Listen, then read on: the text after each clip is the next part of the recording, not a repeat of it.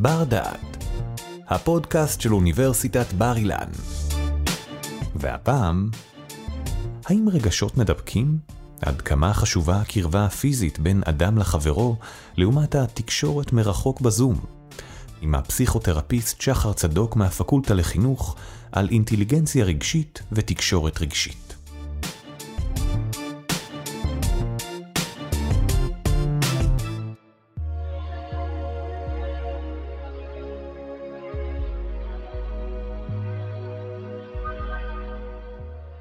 הסדרה הבאה מכילה כלים קוגניטיביים ורגשיים לפיתוח חוסן, הן ברמה האישית והן ברמה הבין-אישית.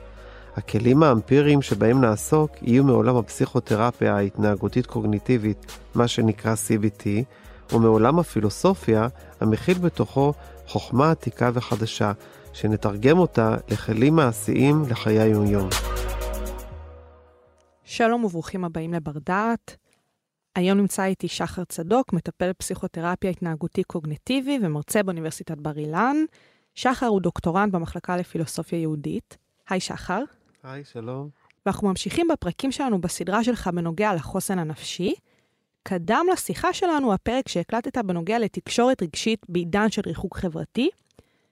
אתה ממש מתייחס לסיפור של הקרבה, העניין והצורך הפיזי. כמה משמעות יש לו. נכון, התקשורת הפיזית כוללת בתוכה גם את המגע, גם את הבעת הפנים, שיש לה חשיבות מאוד גדולה. אמ, זאת אומרת, התקשורת הוורבלית, נקרא לזה ככה, היא רק חלק קטן מהתקשורת הבין-אישית שלנו. וכשיש נוכחות בחדר עם עוד אדם, אה, יש אינטראקציות אחרות. אה, קשר עין לדוגמה? למשל קשר עין, למשל הבעת הפנים, החלק העליון של הפנים אה, מהאף כלפי העיניים והמצח. מסתבר שתנועות כאלה ואחרות, או הבעות פנים כאלה ואחרות, מייצרות בנו רגשות. נשמע הגיוני. כן, ואנחנו מפספסים את זה. ובעידן של ריחוק חברתי, הן בגלל הטכנולוגיה והן בגלל הקורונה, מייצרות בעיקר אצל הרבה מאוד ילדים ומתבגרים בעיות של תקשורת בין אישית שדורשות התערבות טיפולית אפילו. ברמה של התערבות טיפולית. ממש.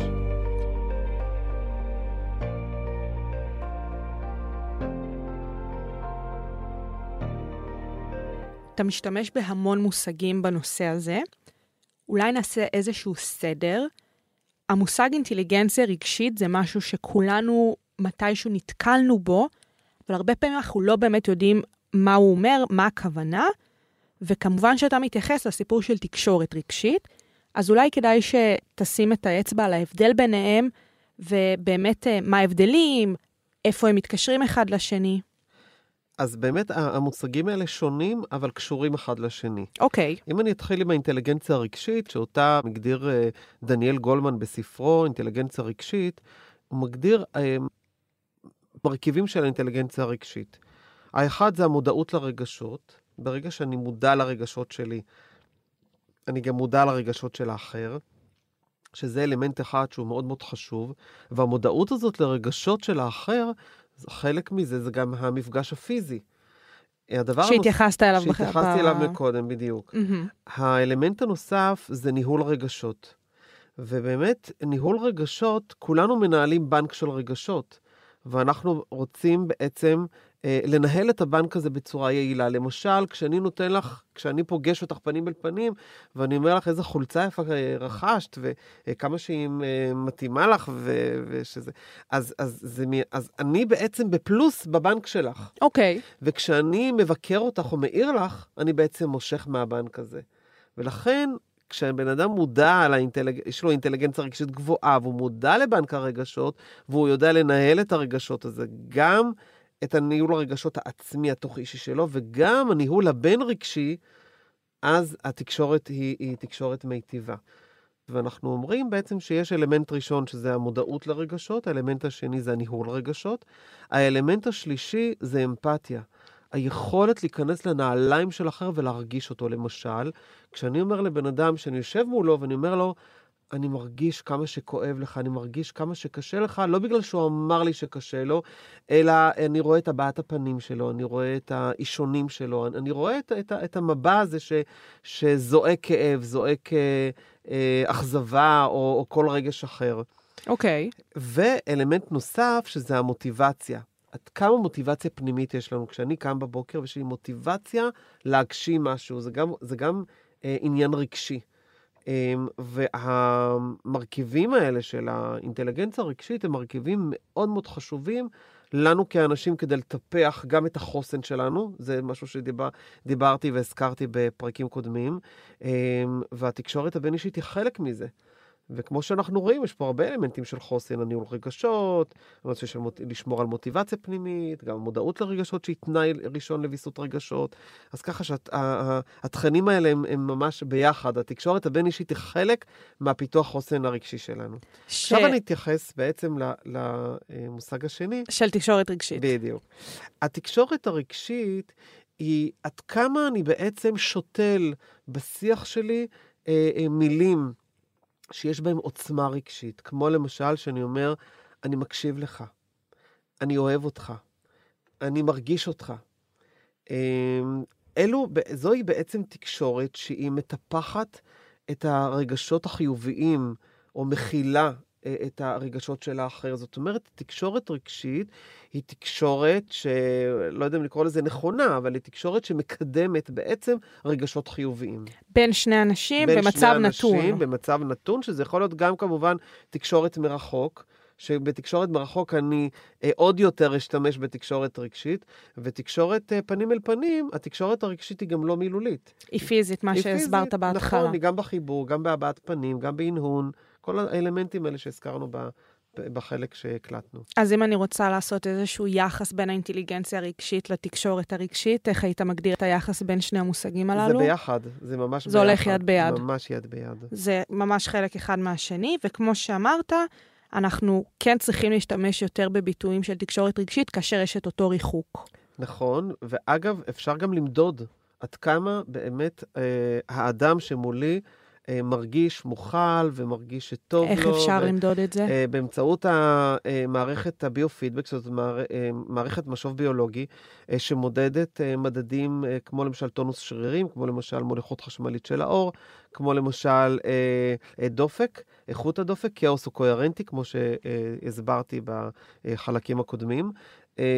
וכמו שאמרתי, התקשורת הבין-אישית היא חלק בלתי נפרד מהבריאות הנפשית שלנו והרווחה הנפשית שלנו.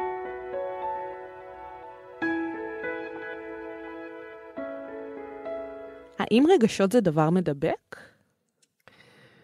טוב, מדבק זה, זה מאוד אקטואלי היום, את יודעת. זה נשמע שלילי, אבל כן. בסופו כן. של דבר, לפעמים אנחנו גם באמת נדבקים בדבר טוב. לדוגמה, כשמישהו מתחיל לצחוק, כן. אז כולם צוחקים בחדר. כן, זו דוגמה מצוינת. יש לנו נוירוני מראה, שאנחנו בעצם, אה, גם אה, גולדמן בספרו מאוד מתייחס לזה, והוא אפילו מראה אה, תמונות של פונקשן אה, MRI, אה, שממש כשאנחנו רואים אדם עצוב, אנחנו נעצבים. כשאנחנו רואים אדם שמח או אפילו צוחק, אנחנו צוחקים.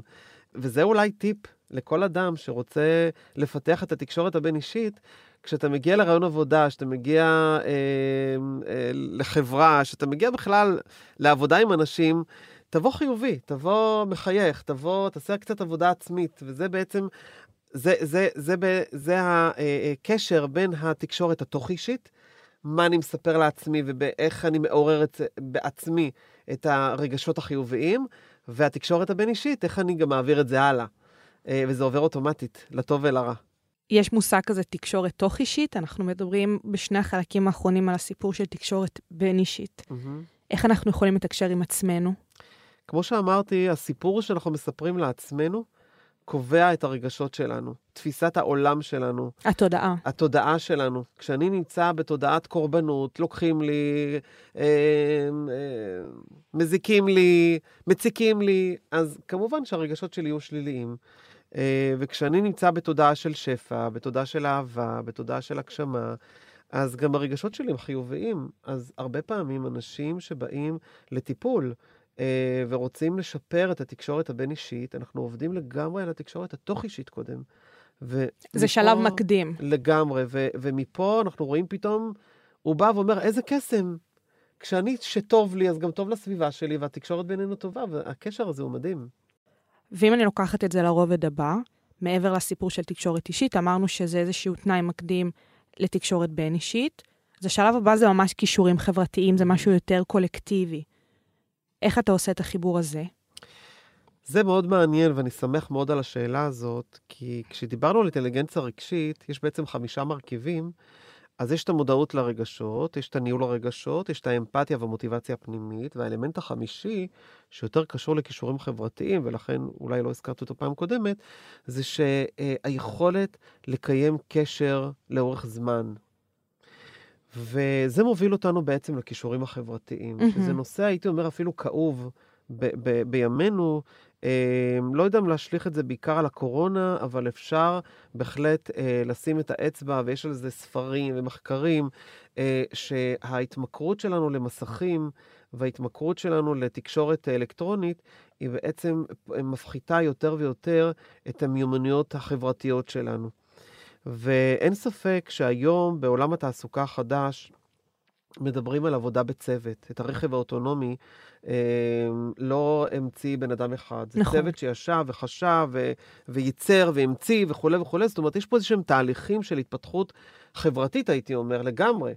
אה, סיור מוחות, ו- ויש איזשהו קשר אה, מתוך הצוות. רואים את זה גם בארגונים, שצוותים, שהקשר החברתי שלהם הוא קשר תומך. קשר שמרגיש בטוח, קשר שהוא מעצים ומקדם, אז התפוקות הן טובות יותר. ואותו דבר גם בעולם הסטודנטיאלי. ואנחנו רואים את זה גם בקורסים, גם כשאני מלמד, וגם, אה, וראינו את זה גם בקורונה, שאנשים אה, יותר למדו מהבית. נכון. הקשר החברתי גרם לכך שאנשים לא שרדו את הלימודים. כי בסופו של דבר, מה אנחנו זוכרים מהחיים הסטודנטיאליים? את הקמפוס, את החברים, את החוויות. את ההפסקות. את ההפסקות. אלה בעצם הדברים החשובים באמת, אה, שהם תומכים כמובן ביכולות הלמידה. לכן כישורים חברתיים הם מן הסתם מתבססים על יכולות הרגשיות שלנו, ושניהם גם יחד יכולים לנבא את ההצלחה שלנו. כי באמת שואלים, וגולדמן מביא את זה בספר שלו, מה הדבר הבאמת חשוב, האינטליגנציה השכלית או הרגשית? מסתבר שהאינטליגנציה הרגשית היא חשובה. וחלק מהכישורים החברתיים, או חלק גדול מהם, זה בעצם האינטליגנציה הרגשית, נו, וההפך. נובעים מאותה אינטליגנציה רגשית.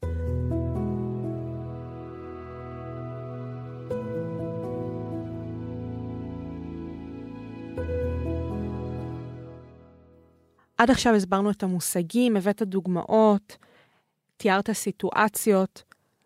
מעניין אותי לדעת איך אנחנו יכולים לשפר את אותה אינטליגנציה רגשית, אה, להתמיד עם כישורים חברתיים ולשפר אותן. אז זאת שאלה מצוינת, כי, כי באמת הבשורות הטובות הן שמחקרים מראים שאפשר לשפר את האינטליגנציה הרגשית שלנו. זה אומר לנו... זה שריר. זה לגמרי שריר. כמו שאנחנו יכולים גם לפתח את החוסן, אנחנו יכולים גם לפתח את האינטליגנציה הרגשית שלנו, אנחנו יכולים לפתח את הכישורים החברתיים שלנו, ולכן אנחנו אה, צריכים, יכולים או בוחרים יותר ויותר לייצר אינטראקציות חברתיות. זה בעצם הפתרון. דרך האינטראקציות החברתיות אנחנו נשתפר. לגמרי, לעודד את הילדים שלנו ליותר ויותר אינטראקציות חברתיות, לא אלקטרוניות כמובן, או, או יותר אה, פנים אל פנים מאשר אה, אה, מרחוק. אה, נגיד עכשיו עם הזום, באמת המצב עם הקורונה והריחוק החברתי. היית ממליץ לעשות לדוגמה יותר זום מאשר שיחות טלפוניות או התכתבויות בצ'אטים ומיילים? כן, אני חושב שיש גם יתרונות בזום, למשל אספות הורים, אה, כל מיני אינטראקציות שאנחנו הם, מחויבי המציאות, אבל הזום בעצם הוא בא לפתור איזשהו קושי, איזושהי בעיה, אבל מה שאת אומרת, את לוקחת את זה מאוד יפה צעד אחד קדימה.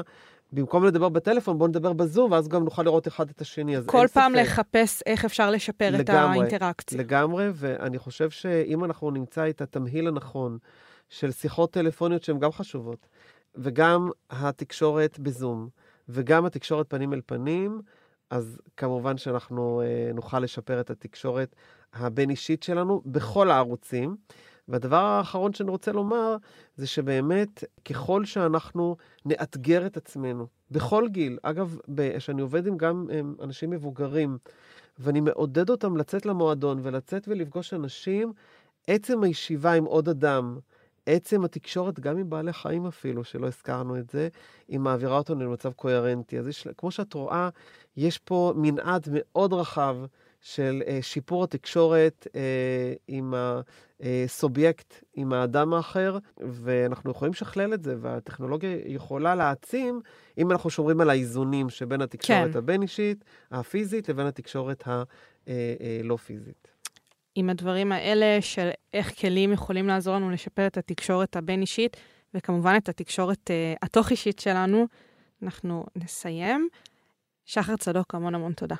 תודה לך. תודה שהאזנתם לנו. באפליקציית בר דעת מחכים לכם עוד הרבה פודקאסטים מחכימים. אתם מוזמנים לצאת איתנו למסעות נוספים אל העבר ואל העתיד. בר דעת, אפליקציית הפודקאסטים של בר אילן, משפיעים על המחר, היום.